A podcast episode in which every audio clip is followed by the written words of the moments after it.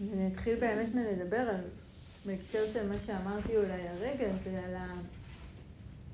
כמות האנרגיה שמושקעת בריטריט, כן? אני לא, לא חושבת ש... אני יודעת שלא תמיד ישנים טוב בריטריט, וזה כבר סיפור אחר, כן? לישון עם עוד אנשים בחדר זה לכשעצמו לא משהו שאנחנו בהכרח רגילות או רגילים אליו רובנו. אמ, אבל זה המון שעות שינה, אה? כן? כאילו, תחשבו על השעה שבה אנחנו הולכים לישון, השעה שבה אנחנו קמים, פלוס השנץ שרובכם אה, נותנים ככה, אה, והוא תמיד אה, ייזכר לטובה, כן? כאילו, זה, זה המון שעות שינה, וזה לא סתם, כן? זה לא סתם. באמת התודעה צריכה את זה, והתודעה צריכה את זה כי אפילו שאני כאילו יושבת ולא עושה כלום, אני משקיעה המון אנרגיה. נכון? כמה פעמים אתם אומרים, אין לי כוח לחזור שוב לנשימה. לא, נו, אין לי כוח להתרכך. אני רוצה להישאר עכשיו עצבנית. אין לי סבלנות שוב להרחיב, להרחיב, להרחיב. לא רוצה. כן? זה, זה לא סתם אני לא רוצה זה, כי זה באמת, כן, איך מישהי אמרה היום, זה קשה, כן? זה באמת קשה. ואם משהו הוא באמת קשה, ולמרות שהוא באמת קשה, אתם ממשיכים לה, וממשיכות לעשות את זה כל כך הרבה שעות, אז כן, יש פה המון אנרגיה שמושקעת. ו- ו- ואני רוצה להסתכל על זה גם בהיבט של היום-יום שלנו. גם ביום-יום שלנו אנחנו מוציאים המון המון אנרגיה. כן, בין אם זה על העבודה, או על משפחה, או על אינטראקציות, או על מערכות יחסים, או על לא יודעת מה, או על האינסטגרם, whatever, כן, המון אנרגיה יוצאת לנו ביום. ואני חושבת שההבדל בין הריטריט לבין היום-יום שלנו, חוץ ממיליון ההבדלים שקיימים באופן כללי בין שני המרחבים האלה, זה שבריטריט אנחנו בוחרים איפה להשקיע את האנרגיה שלנו. וביום-יום שלנו אנחנו הרבה פעמים נשאבים עם האנרגיה להרבה דברים שהם לא בהכרח מה שהתכוונו, או לא בהכרח מה שרצינו. כן? ולפעמים נגיד אני יכולה להגיד שאני עובדת בעבודה או בתחום שאני נורא רוצה, אבל אני שמה לב ש... שאני נורא אוהבת, אבל שרוב האנרגיה שלי נגיד מושקעת בלנהל אנשים אחרים, ואת זה אני בכלל לא אוהבת, כן? סתם כדוגמה. אז, אז, ו, וכמה אני ערה לזה. ושאלת האנרגיה היא שאלה ש, שנמצאת ממש ב, ב, בלב ליבו של התרגול הבודהיסטי, כי אי אפשר בלי אנרגיה, כן? נכון? אי אפשר בלי אנרגיה. בלי אנרגיה לא היינו מחזיקים פה דקה. אז קודם כל רגע לראות את זה. כי אני יודעת שיש הרבה ממכן או ממכם שיבואו ויגידו, כן, אני, אין לי הרבה נחישות, אין לי הרבה אנרגיה, אני לא, אני כאילו מוותרת בכ... לא. אתם פה. כן? עוד רגע כבר ארבעה ימים. אז יש פה המון אנרגיה. ומה שקורה עם האנרגיה בתוך התרגול, שהאנרגיה הופכת להיות משהו שמשולב עם הכיוון של הכוונה שלי. זו אנרגיה שמושקעת באופן נבון, ער וקשוב אל מה שרציתי לטפח. לעומת נגיד התנועה הזאת של פשוט מאמץ, נורא נורא להתאמץ, להתאמץ, להתאמץ, והרבה פעמים מרוב מאמץ אני שוכחת בכלל מה רציתי לעשות, נכון? או שוכחת מה חשוב לי באמת. ובודה דיבר המון על, על, על הביטוי הזה שנקרא מאמץ נכון. שהוא מאמץ שלא הופך אותנו למשהו שהוא יותר נוקשה ונאבק ונלחם, כן? נכון? תנסו רגע להרגיש, כשאני אומרת את המילה מאמץ, איזה, קונ... איזה קונוטציה עולה לכם בגוף, ממש. כאילו, זה, זה נעים וקליל ומשחרר, או שזה מיד גורם לכם... כן? זה, נכון?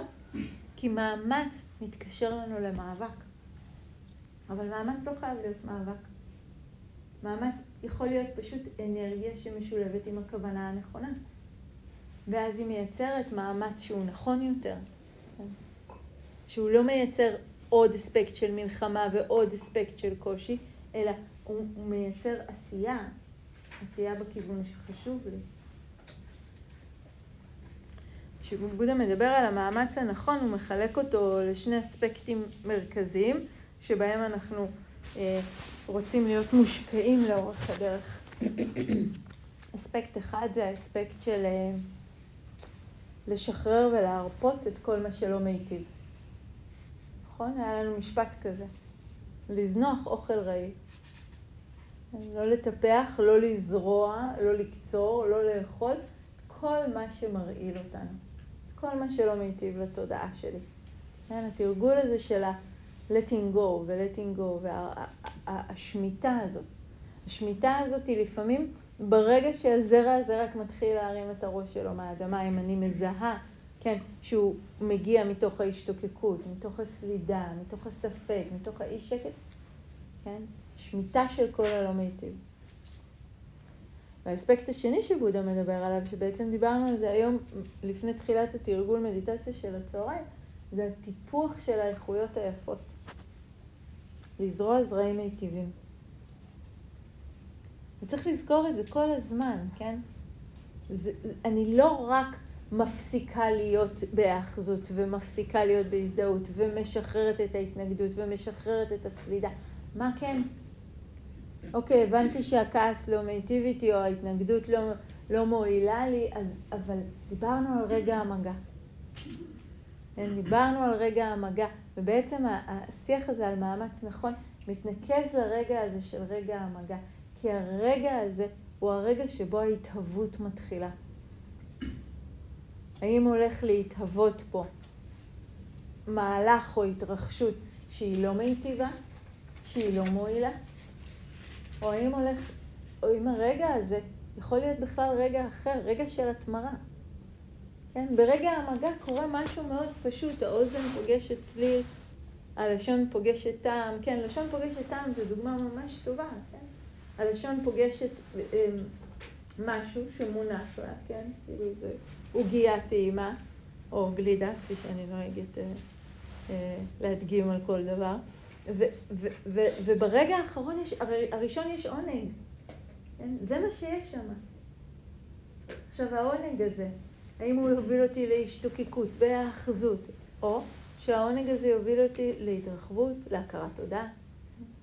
רגע של התמרה. בגלל זה אנחנו כל הזמן חוזרים לרגע המגע הזה. כי שם אני יכולה להתערב ולראות מה המאמץ הנכון ברגע הזה. האם יש פה משהו לשמוט ולשחרר, או האם יש פה משהו שאני רוצה לטפח. ולאורך הדרך, אני חייבת את שני האספקטים האלה. יש דימוי במסורת הטיבטית שמדמה את התרגול לציפור. הוא אומר שלציפור יש שתי כנפיים. כנף אחת זה הכנף הזאת של הוויפסנה, של הוויזדום, של החוכמה, של הראייה הבהירה והצלולה והיכולת לזהות, כן? ולהבחין ולהכיר את החוויה שלנו מאוד לעומק. והכנף השנייה היא הכנף של החמלה, מה שנקרא כל איכויות הלב, הבודי צ'יטה. האופן שבו הלב יכול להיפגש עם החוויה בצורה מיטיבה, בצורה משחררת, בצורה של לב פתוח, רחב, בעיניים טובות, בחמלה, בפרגון, ביציבות, בהכרת תודה. והציפור לא יכולה לעוף רק עם כנף אחת. זה אף פעם לא יעבוד. גם אם הכנף הזאת היא וואו. לא עובד, לא עף, לא קורה. והרבה פעמים אנחנו נשים לב, וזה לא רק אה, תנועה שלנו, זה בכלל במערב, כמה דגש היה על הכנף הזאת של הלראות ולזהות והוויזדום. והלב זה כזה לחלשים. יש לי חבר טוב, מורה בתובנה, שיש לו סיפור נורא מצחיק, שהוא תרגל בבוד גאיה בהודו, תקופה מאוד ארוכה, והוא הלך איזה יום אחד לאיזה סטאצן כזה, שיחה דרמה עם אה, מורה אחר, והוא כזה אה, עלה במדרגות וכזה עלו איזה קבוצה של אה, נזירים טיבטים, ו... הם ראו אותו כזה, אז הם התחילו לנסות לדבר איתו, הוא לא, לא בהרבה זה, והוא כזה כבר היה שם תקופה, הרגיש שהוא כזה עמוק בתרגול, הסלף של התרגול, הוא לא פחות סלף. ואז אחד מהם ככה ניסה לדבר איתו, שאל אותו מה, מה אתה עושה פה, אז הוא אמר לו, אני מתרגל. הוא אמר לו, מה אתה מתרגל? אז הוא אמר לו, ויפאסנה. אז הנזיר הטיבטי הסתכל עליו ואמר לו, אה, בגינרס. כי במסורת הטיבטית האיכויות של החמלה, כן, וה, והלב הם מאוד מאוד מאוד מאוד אה, בלתי נפרדות מתחילת הדרך, כן. וככה הוא מספר איך הוא הלך כפוף אחר כך. ו, זה סיפור לא מתוק ומצחיק, אבל האמת שזה פשוט לא צריך להיות נפרד, כן? זה לא זה יותר מזה. מאמץ נכון זה גם היכולת לפגוש ברגע מסוים משהו ולבדוק מה, המשהו הזה מבקש ממני עכשיו. האם זה משהו שיש לשמוט? האם זה משהו שיש לעקור מהשורש, כן? נגיד, כמו שאמרנו הרבה פעמים על ספק. אז אני לא רוצה, עם הספק אני לא, מנהל, אני לא מנהלת איתו דיונים. לא מנהלת איתו שיחות. לא, הוא לא, כאילו, לא, לא. הוא, הוא ינצח. חכם מדי, אינטליגנטי מדי, אני לימדתי אותו, איך לא יהיה, כן? כאילו, זה, זה, זה, זה, זה, זה, זה תוצאה שלנו, הוא יודע בדיוק איך לעבוד איתנו, כן? ומשהו אחר, לדוגמה, אם בא כאב, כן? אם בא עלבון, אני כן רוצה לדבר, אני כן רוצה לשמוע, כן, כאילו, אולי הוא צריך מעטפת, אולי הוא צריך חמלה, כן? כל דבר צריך משהו אחר. ויכול להיות שגם מה שאמרתי הרגע, בתנאים ונסיבות מסוימים, הוא לא יהיה נכון. ודבר מסוים יבקש משהו אחר, כן? וגם לעצם היותי חוזרת שוב ושוב לספק, גם לזה מגיעה חמלה. כן? אז אני רוצה להקריא לכם לרגע כמה שורות מה... מה מהדרשה על המאמץ נכון. אני רוצה שתשימו לב שהוא מחלק, אמרנו, לשני אספקטים, כן? לשחרר את המיטיב ולטפח את המיטיב, ובתוך כל אחד מהם הוא מדבר על שני דברים שונים, כן? בעצם מדבר על לפני שמשהו מתהווה בכלל, ואחרי שהוא כבר קורה. הוא אומר ככה: נזירים, ישנם ארבעה סוגי מאמץ נכון. מה הם הארבעה? בהקשר הזה נזירים, הארבעה הם הנזיר מעורר את הרצון לאי הופעתם של מצבי תודעה מזיקים ולא מיטיבים שעדיין לא התעוררו. הוא משתדל, עושה מאמץ, מפעיל במרץ את תודעתו ומתמיד בכך. הוא מעורר את הרצון לנטישתם של מצבי תודעה מזיקים ולא מיטיבים שהתעוררו. הוא משתדל, עושה מאמץ, מפנה במרץ את תודעתו ומתמיד בכך. הוא מעורר את הרצון להופעתם של מצבי תודעה מיטיבים שעדיין לא התעוררו. הוא משתדל, עושה מאמץ, מפנה במרץ את תודעתו ומתמיד בכך. הוא מעורר את הרצון להימשכותם, התרבותם, התפתחותם, צמיחתם והגשמתם של מצבי התודעה המיטיבים שכבר התעוררו. הוא משתדל, עושה מאמץ, מפנה במרץ את תודעתו, מתעקש ומתמיד בכך. קודם כל אני חושבת את המשפט הזה, אה, עושה מאמץ, מפנה במרץ את תודעתו, משתדל ומתמיד בכך. כזה הגדרה טובה לריטריט, לא? לתרגול וריטריט. ושמעתם כן את, ה, את החלק של הלא מיטיב, שם את המאמץ לאי הופעתם, טרם הם הופיעו, ולנטישתם כשהם כבר הופיעו. ותשימו לב עכשיו כמה הוא מדבר על החלק של המיטיב. כן? פה הוא אמר רק, כן, לאי הופעתם ונטישתם. בצד השני, להופעתם, הימשכותם, התרבותם, התפתחותם, צמיחתם והגשמתם. כן? כמה אופק, כמה משקל הוא שם על הדבר הזה, לטפח איכויות מיטיבות. ויש משהו ברגע המגע הזה, כן, שהוא, שמה שכל כך כל כך משמעותי ברגע המגע, שהוא הרגע שבו מתאפשר לנו לא לשנות את החוויה, אלא לשנות את אופן המבט שלנו על החוויה. ולשנות את אופן המבט שלנו על החוויה בהדרגה גם ייגע וישפיע בחוויה עצמה. זה, זה, זה, כל כך חשוב, כן? ת, ת, תזכרו כל הזמן את הדוגמה הזאת, כן? של איך אני אה, מרגישה שיש עליי, מונחות עליי עיניים טובות, כן? תחשבו נגיד שאתם צריכים לדבר מול אנשים. מה אתם מרגישים כשהמבט מולכם הוא מבט אוהד, הוא מבט טוב, הוא מבט אוהב, הוא מבט מפרגן? אפשר להרפות לתוך זה. ומה אתם מרגישים שהמבט הוא מבט ביקורתי, כן, מזלזל, שונא, כועס, הופ, משהו במתקשה. אופן המבט משפיע על החוויה. החוויה משפיעה על מה שנוכח, כן? היא לא באמת דבר מוצק כל כך. היא לא באמת איזה דבר אינרנט, בעל קיום אינהרנטי משל עצמו, היא כל הזמן מותנית. יותר היאחזות, כן, יותר מוצקות, אז יותר דוקה. אבל אם משהו במבט שלי ישתנה למבט שיש בו פחות היאחזות, יותר רכות, יותר חמלה, כן? משהו, מרחב נפתח שם, פחות מוצקות, פחות דוקה, כן? כל, כל הזמן לחזור לתנועה הזאת. יש אה, ככה בווג'ריאנה קטע שאני מאוד מאוד אוהבת, שמדבר על, ה, אה, על האימון, כן, כאילו זה גם אחד המשפטים בלואו ג'ונג שאומר, אה, התאמנו בשלושת הקשיים. אני כל הזמן אוהבת לחזור לזה כל הזמן מפרספקטיבה קצת אחרת, כן? והתאמנו בשלושת הקשיים, השלב הראשון שהוא מציע באימון, זה קודם כל להכיר בקושי. אבל להכיר בקושי, זה לא להגיד, כן, מגרד לי, לא, לא, לא, לא בא לי, נגיד כואב לי הגב. יכול להיות שבאמת מאוד מאוד כואב לי הגב. אבל הקושי האמיתי הוא שאני רוצה שלא יכאב לי. שאני רוצה שזה לא יהיה. שאני כועסת על עצמי שכואב לי כי לא התאמנתי מספיק, כי לא חיזקתי את עצמי, כי לא, לא יודעת מה. נכון? כן, אפשר לראות את זה נורא נורא ברור. יש את הכאב, אבל יש את האופן הזה שבו אני תופסת את הכאב כבעיה, כמשהו שצריך ללכת, כמשהו שהוא כמובן באשמתי ובגללי.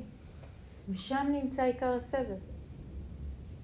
אז, הקושי, אז הכרה בקושי זה לא הכרה בכאב הגב, זה הכרה ברובד עמוק יותר של החוויה, כמה אני רוצה שזה לא יכאב, כמה אני רוצה שזה לא יהיה.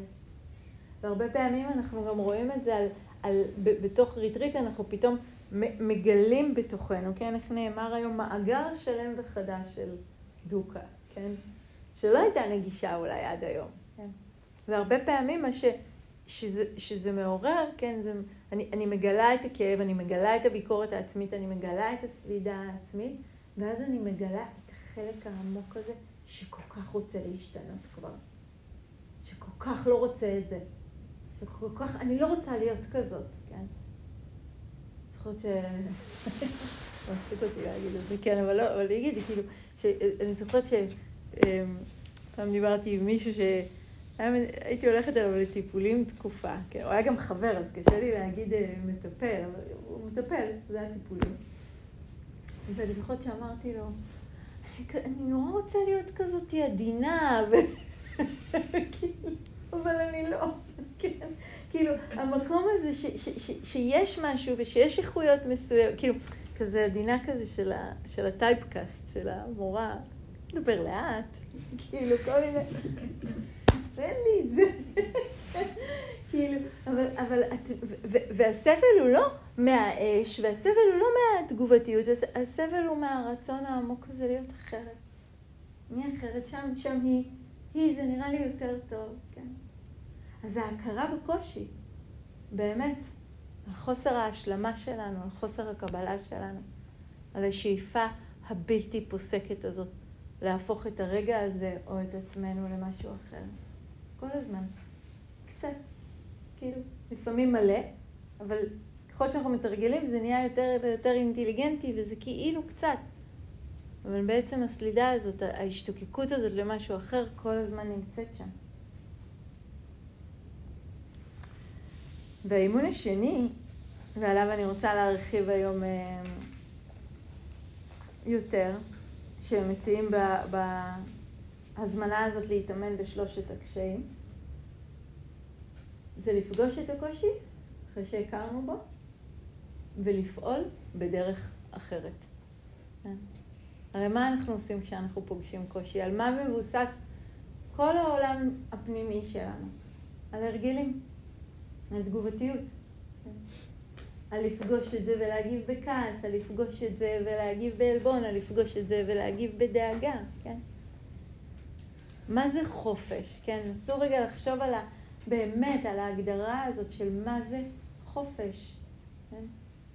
חופש זה לא מצב שבו השמיים תמיד כחולים והים תמיד אה, צלול וקוקוסים אה, מקיפים, כאילו זה מצב מאוד נחמד, אבל זה, זו לא ההגדרה לחופש, כן? חופש זה מצב שבו אני לא כבולה והכבלים הכי משמעותיים בחיים שלנו הם הכבלים שאנחנו מייצרים בתוכנו, בהרגלים שלנו, בתגובות שלנו, בדפוסים שלנו. באופן הזה שבו אני שוב ושוב נופלת אל אותו בור של הכעס, של הסלידה, של הביקורת עצמית, של כל דבר, כן? של השעמום, של הספק. ולפעול בדרך אחרת זה לראות לרגע את הסיטואציה, לראות את הקושי, לראות את הבור ולהגיד, אני עושה משהו אחר. אני פשוט עושה משהו אחר. ופה יש קשר למה שדיברתי עליו קודם בהקשר של מאמץ נכון. בשביל להגיע לרגע של קושי ולהצליח לפעול שם ב-180 מעלות הפוך מהאוטומט שלי, אני צריכה שתהיה שם אופציה אחרת זמינה ומוכנה. כי זה גם ככה כל כך קשה. זה כל כך בלתי נתפס, כן? זה כל כך... זה כל כך לא, לא פשוט לעשות את התנועה הזאת שפועלת אחרת. אז אני צריכה מאגר. אני צריכה מאגר של איכויות יפות, מיטיבות ומשחררות, שיטופחו ויהיו זמינות. וברגע של הקושי, אני אוכל לבחור אחת מהן ולפעול אחרת. אז הרשימה שאני רוצה לדבר עליה ב... בהקשר הזה היום, זה להזכיר את, ה... את מה שנקרא אברהם אביהרה, ארבעת איכויות הלב שהבודה דיבר עליהן. והאיכות הראשונה היא האיכות ש... שתרגלנו אותה בעצם מהיום בצהריים, האיכות של המטה. התכווננות אוהבת, אהדה, עיניים טובות, loving kindness. אני חושבת שהמהות העיקרית של תרגול המטה, של האיכות הזאת, סליחה, של המטה, זו תנועה שנפתחת ומתקרבת. אה, נכון? כאילו בדיוק הפוך מה, מהסלידה, מההתנגדות, שנפתחת ומתקרבת. שנעה בעולם מתוך החוויה הזאת של הלב הרך, המרווח, הפתוח לכל. וזה לא שבאמת האיכות הזאת אה, אה, קורית כל הזמן, אבל התרגול שלה הוא לשים את הכוונה הזאת. לשים את הכוונה הזאת להביט בעיניים טובות על העולם, באותו אופן שאני מביטה, כן? תחשבו, אני חוזרת לדוגמה הזאת, כי באמת משהו בריטריט הזה זה היה לי יותר חזק. ממש התיישבתי מולכם ביום הראשון, וכאילו, היה כזה כמו תחושה של רנטגן. כאילו, כאילו, אה, כאילו, כמובן זו המצאה שלי וזה בחוויה שלי, אבל בחוויה שלי הרגשתי נורא חזק את הפגיעות. את השבריריות הזאת של כל מי שיושב פה, את הנפש הזאת שבאה לעשות תהליך ועבודה וכמה אומץ צריך להיחשף וכמה לבטוח וכמה אמון, כן? ומשהו בזה, כאילו הלב כל כך נפתח לזה. כן? ואחר כך ישבתי קודם, באמת עכשיו בשקיעה, ישבנו שם כמה אנשים וראינו אותה כן יפה כזאת, הולכת לה לאט לאט, ואמרתי, קטע, קטע כמה הלב יכול להיות פתוח, זה קטע כמה הלב יכול להיות סגור, נכון? כאילו, לפעמים משהו במפגש כל כך פשוט, כל כך חסר מילים, יכול כל כך להרחיב את הלב, ורגע אחרי זה משהו אחר, כן, מקריס אותו לתוך עצמו מחדש. ולא, זה לא המציאות, זה אופן המבט. זה תמיד אופן המבט, כן? כי באותה מידה יכולתי לשבת גם פה עם אופן מבט אחר לחלוטין. ועזבו, תחשבו לכם, אני, אני די בטוחה שלכולכם במהלך הריטריט הזה היו רגעים שממש שנאתם את מי שלידכם, והיו רגעים שממש אהבתם את מי שלידכם, היו רגעים שחשבתם שמישהו ממש מטופש, ורגע אחר כך הוא היה ממש מעורר השראה, כן? מה, הוא באמת השתנה? מה, גיליתם עליו משהו תוך כדי שתיקה? לא, אופן המבט. משהו אפשר פתאום ללב להיפתח, ופתאום התנועה הזאת, אבל זה לא פתאום, כן? זה משהו שאני עושה. אני מביאה את ההתכווננות הזאת. לפגוש בלב פתוח, בעיניים טובות, בלב רחב. למה? כי זה משחרר אתכם, לא את הצד השני. מטה זה לא תרגול בשביל מי שאני שולחת לו מטה, כן? זה לא בשביל מישהו אחר. זה כי כשאני מצליחה להחזיק עיניים טובות בלב רחב, אני הופכת חופשייה יותר. אני פחות כבולה להתנגדות, אני פחות כבולה לסלידה, אני פחות כבולה לביקורת, אני סובלת פחות, אני פשוט סובלת פחות. האיכות השנייה שברשימה הזאת של איכויות הלב זה האיכות של החמלה. לפעמים הרבה פעמים אנשים שואלים מה ההבדל. לתכנתנתי יש הגדרה נורא נורא יפה שהוא אומר חמלה זה כשהאהבה פוגשת סבל, כשאהבה פוגשת כאב. נכון? תחשבו על מישהו שאתם אוהבים, תחשבו שקצת כואב לו, לא הרבה, קצת. מרגישים איך הלב... הנה, עם התנועה הזאת של הגוף. הוא קודם כל רוצה להתקרב לזה. להניח יד, לחבק, להיות, כן. חמלה זו תנועה שמתעוררת בי במגע עם כאב, במגע עם פצע, במגע עם קושי, מתוך מוכנות להתקרב ולא להילכד אל החרדה ואל הפחד, כן, ואל הנסיגה וההתרחקות. יש בזה משהו, זה ממש כמו, לפעמים זה מרגיש התנועה הזאת כאילו להיכנס אל תוך האש. כן, תחשבו על, ה, על הציטוט הזה שהקראתי מתישהו קודם, כן, על, ה, על הפצע, ואיך הפצע הזה זה המקום דרכו האור יכול להתגלות, האור יכול להיכנס. זה עוד, עוד משהו שטכנתנט אומר על חמלה, הוא אומר, כן, סבל זה קומפוסט. כן? כאב זה פשוט קומפוסט. כן? פשוט תהפוך את זה, כן? תעשה את ה... תהפוך את הזבל שלך, תתמיר אותו, תהפוך אותו לחמלה. חמלה לא תתעורר בלי סבל, כן? היא צריכה את הסבל. אבל הנה, רגע של כאב, רגע של פצע, רגע של אובדן, רגע של חולי. האם הם חייבים להפוך להיות פצעים מדממים לנצח, כן? מקור לשנאה ותסכול ואשמה וחרטה, או שהם יכולים להיות מקור לחמלה, לאהבה, לקרבה.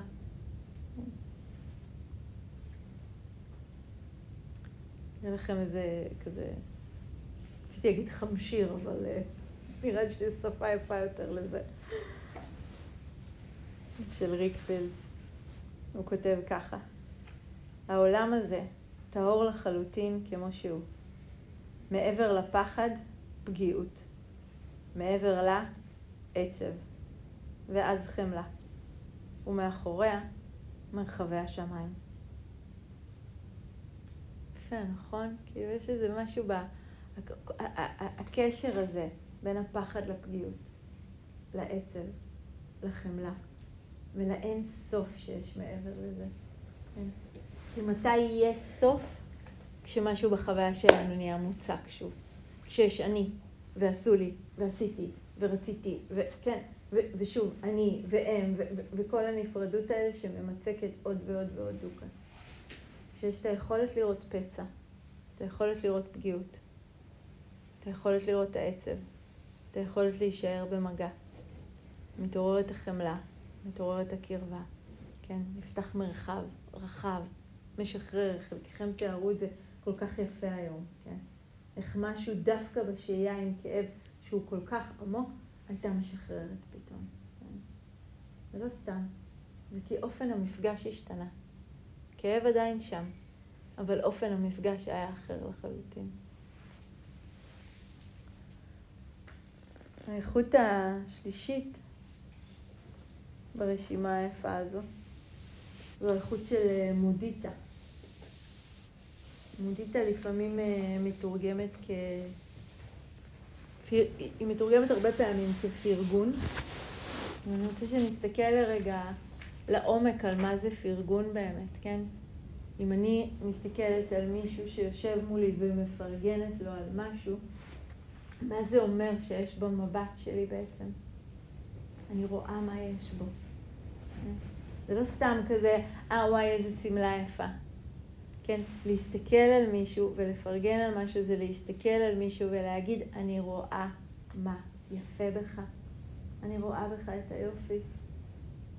ו- ולראות את היופי לא רק כשהיופי מאוד ברור, לא רק כשהיופי מאוד מדבר אליי, אלא לראות את היופי כאופן התבוננות.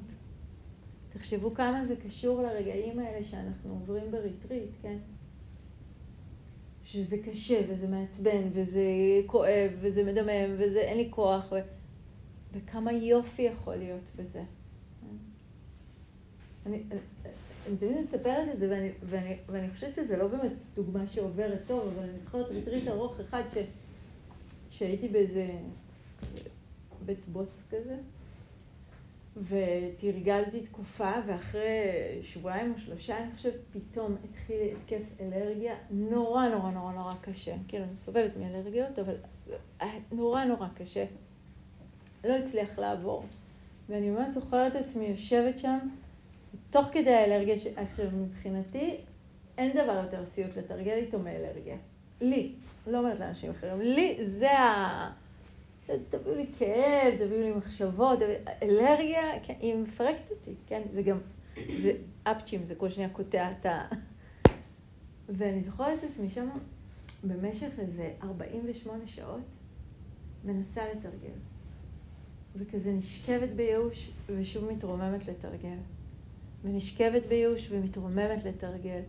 ושוכבת ובוכה מבאסה ומתרוממת לתרגל. ממש. לפעמים בקטע של דקה, דקה, דקה, דקה, ובאיזשהו שלב אמרתי, איזה יופי, כן? כן, התרגול מחורבן, שום דבר לא הולך, אבל איזה יופי הניסיון הזה, המסירות הזאת, כן, הנחישות הזאת, ה- ה- לראות את היופי שבתוך הקושי, כן? זה, זה, זה, זה הלב של האיכות הזאת של מודיטה, והידיעה הזאתי שזה אופן התבוננות. ש, שזה לא משהו שאני צריכה לחכות שיהיה יפה, אלא זה יכולת שלי יש, כן? אני זוכרת שממש בריטריט הזה, האיכות הזאת הייתה מאוד מאוד חזקה, ובאיזשהו שלב די נבהלתי, כי התחלתי להריץ כל מיני אנשים בראש שמאוד קשה לי לראות בהם את היופי בדרך כלל, כל מיני פוליטיקאים למיניהם. פתאום ראיתי את היופי בכל אחד, זה היה נורא נורא מבהיל, כאילו. והאיכות הרביעית, והכה-כה-כה חשובה בהקשר הזה, של התנועה הזו של פתיחת הלב, כן? זה האיכות של אופקה, של האיזון והיציבות הפנימית, כן? כי כל מה שאמרתי עכשיו הוא נורא נורא יפה, והוא נורא מרחיב, והוא נורא פותח, אבל גם הוא הופך אותנו לנורא נורא חשופים ונורא פגיעים. וצריך מיכל יציב וחזק שיחזיק את כל זה. וזהו פקע, כן? זה כמו האיכות הזאת של ההר שיושב וסופח עליו, וסופח עליו, נכון? משהו נורא יפה במזג אוויר הזה שהיה לנו. לראות את ההרים, הם עומדים, והעננים באים והולכים ובאים, וכמה תנועה מעליהם, הם נשארים. כן? הם נשארים עם היציבות, עם העמידות, עם האיתנות הפנימית הזאת, כן? אז באופקה יש לה... הגדרה נורא נורא יפה שאומרת אה, היכולת להיות בקרבה שווה אל כל הדברים. היכולת לשמור, הרבה פעמים כשאנחנו מתחילים לתרגל, מה שקורה בהתחלה זה שאנחנו יוצרים איזושהי תנועה של, אנחנו לומדים איך להתרחק. כי אנחנו כל כך מעורבבים ואנחנו כל כך לכודים, שבהתחלה אנחנו פשוט לומדים לקחת מרחק מהחוויה, ווואו, זה מרגיש נורא נורא משחרר, זה באמת משחרר. ומה שהאופקה לאט לאט מלמדת אותנו, זה להישאר לחלוטין במגע ממש מגע, מרגע לרגע, עם הכאב ועם העצב ועם האובדן ועם הפצע, מבלי להיטלטל יותר, כן? כי המיכל פתאום הפך רחב יותר. תחשבו שהרבה פעמים מה שקורה זה שנגיד, וזה הפצע שלי, האגרוף הזה זה הפצע שלי, והוא מגיע אל תוך המיכל שלי, ומה התודעה שלי עושה כשהיא פוגשת כאב? היא נסגרת עליו, היא מתבייתת עליו. ואז באמת לא נשאר מקום. אין. אין מקום למשהו אחר. מה אנחנו עושים בתרגול? מרחיב... לא, אני בכלל לא אומרת שום דבר על הפצע. אני מרחיבה את המיכל, מרחיבה את המיכל, מרחיבה את המיכל, מרחיבה את המיכל. ופתאום כן, יש פה פצע, אבל הוא פצע בתוך מיכל רחב, בטוח, חזק, מכיל, רך. אז אפשר לנוח בתוכו. וחשוב לזכור ולשים לב שלפעמים האיכויות האלה, כן, המטה, ההתכווננות האוהבת, החמלה, קרונה, המודיטה, הפרגון והשמחה, כן, והאופקה, האיזון הפנימי, האיזון המנטלי, הן לא תמיד מתפתחות ביחד באותו הקצב. ואז לפעמים יש איזושהי תחושה נורא חזקה של מתה, אבל משהו נורא נורא שברירי ופגיע וחשוף, כי אין עוד את האופקה שתייצב את זה. אז אפשר לשאול את עצמי, כן? לשאול את עצמי, מה, מה עכשיו? איזה איכות עכשיו אני רוצה לגייס? מה אני עכשיו רוצה להביא אל תוך החוויה? מה יכול לתמוך עכשיו בלב? ולשים לב לזה. ולשחק עם זה כל הזמן. ותוך כדי שאני עושה את, ה, את המשחק הזה, אז אני מגיעה ל... כן, דיברנו על התנועה הזאת אה, של שלושת השלבים, כן? התנועה שמכירה בקושי, ואז התנועה שבוחרת בדרך, לפעול בדרך אחרת, לדוגמה, דרך איכויות הלב שהזכרנו עכשיו, והאימון מול הקושי האחרון שהם מציעים לנו, זה להמשיך בשאיפה הזאת ולתרגל איתה מעומק הלב. כן? זה, זה, זה אחד מהמשפטי, מהמשפטי לא ג'ונג שאני הכי אוהבת. התאמנו מעומק לבכם. באמת, אני אומרת את זה, וזה...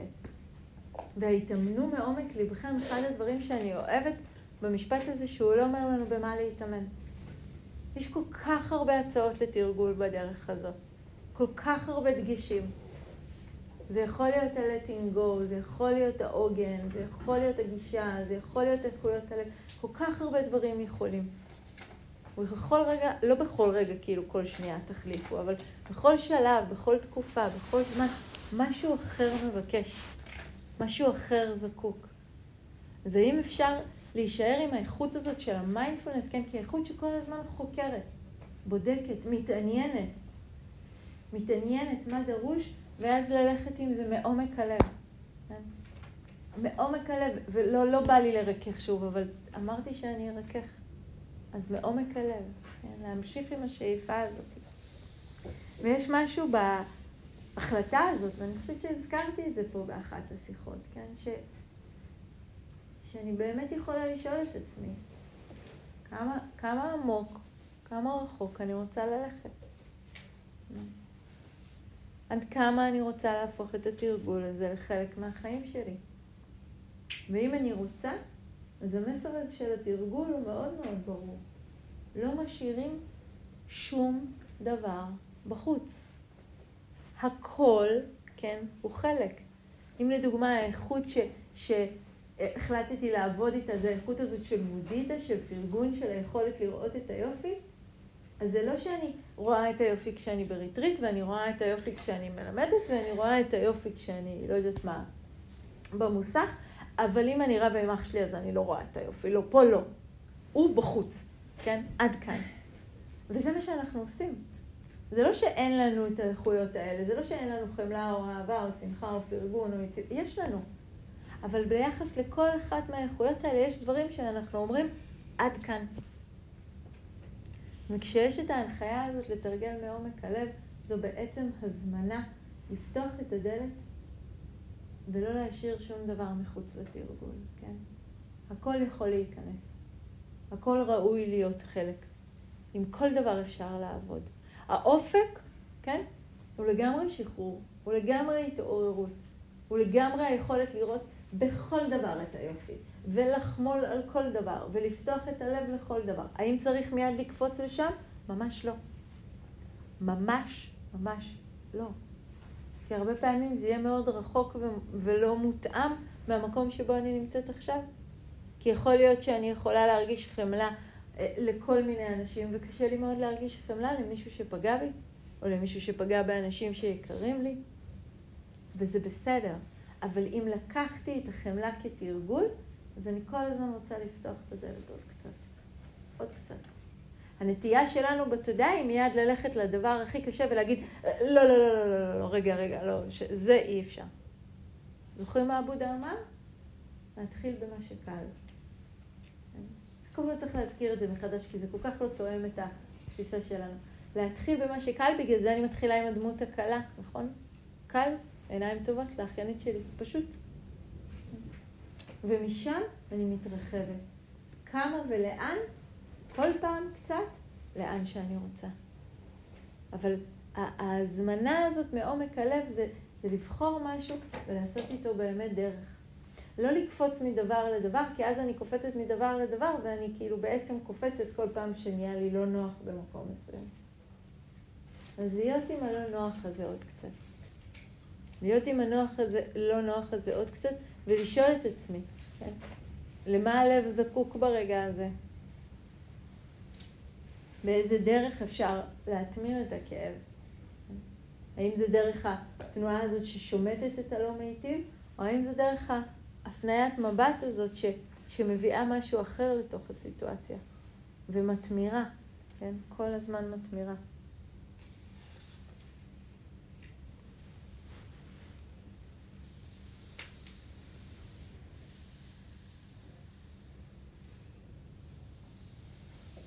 חושבת שכל מה שעשינו במהלך הריטריט הזה, ואנחנו עדיין עושים ככה, זה, זה בדיוק ההתאמנות הזאת בשלושת הקשיים האלה. זה להכיר בקושי, כן? זה לפעול בדרך אחרת, כי עובדה, אתם עדיין פה, ובדרך כלל בקושי זה, זה לא בדיוק הנטייה שלנו להישאר, כן? ולהיות פה מעומק הלב. ובאמת לא סתם ההזמנה האחרונה הזאת להמשיך בשאיפה הזאת. לא להאמין שמשהו שעשיתי פה שייך לכאן. הוא שייך לי, שייך לכם. טיפחתי אותו פה כי, כי משהו בתנאים והנסיבות תומך בזה. אבל אני יכולה להמשיך ולקחת אותו איתי. ואני רוצה את הבהירות הזאת שתעזור לי, ולכן אני אומרת, הזמן הזה הוא כל כך יקר. כי היו כל מיני רגעים קטנטנים, הם לא מרגישים גדולים, הם קטנטנים. שפתאום הייתי בסדר עם הכאב. פתאום לא היה לי דחוף כל כך להיות אחרת. פתאום זה היה ממש בסדר כמו שאני. ואת זה אני רוצה שתמשיכו מעומק הלב. אז בואו נשב עם זה לכמה רגעים.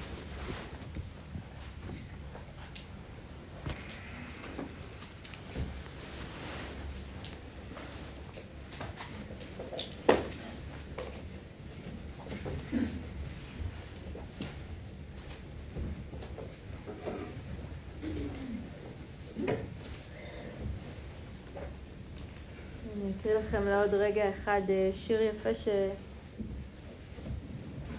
אני תמיד הרבה יותר מרגישה אותו ממבינה אם הוא באמת קשור או לא.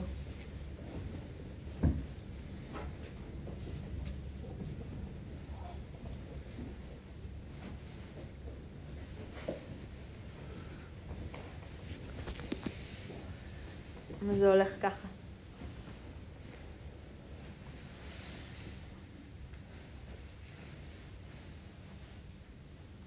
אבא שלי, שרואה נשגב בחולין, תראי כמה יפה העיר הזו, כמה יפים האנשים. מסביר לי את אינסטלציית הלב. עם עצב אפשר לעשות שני דברים, ללבוש אותו או לוותר עליו. אם אפשר לוותר, תוותרי. אם אי אפשר, תלבשי. יש מוזיקה שבוכה כאב, תקשיבי לה. יש ספרים שנכתבו בחלב עצב, תקראי אותם. ולכי הרבה לים, וסעי לאט, ותזכרי שתמיד עדיף להרגיש מלא להרגיש. ותני לעצב לגור בך, רק אל תאמיני שהוא את. בסוף הוא יתעייף העצב, וילך. ותגידי, טעמת פעם פומלה כזאת טעימה בחיים שלך? ויש לך כל מה שאת צריכה? כן, אבא. הכל.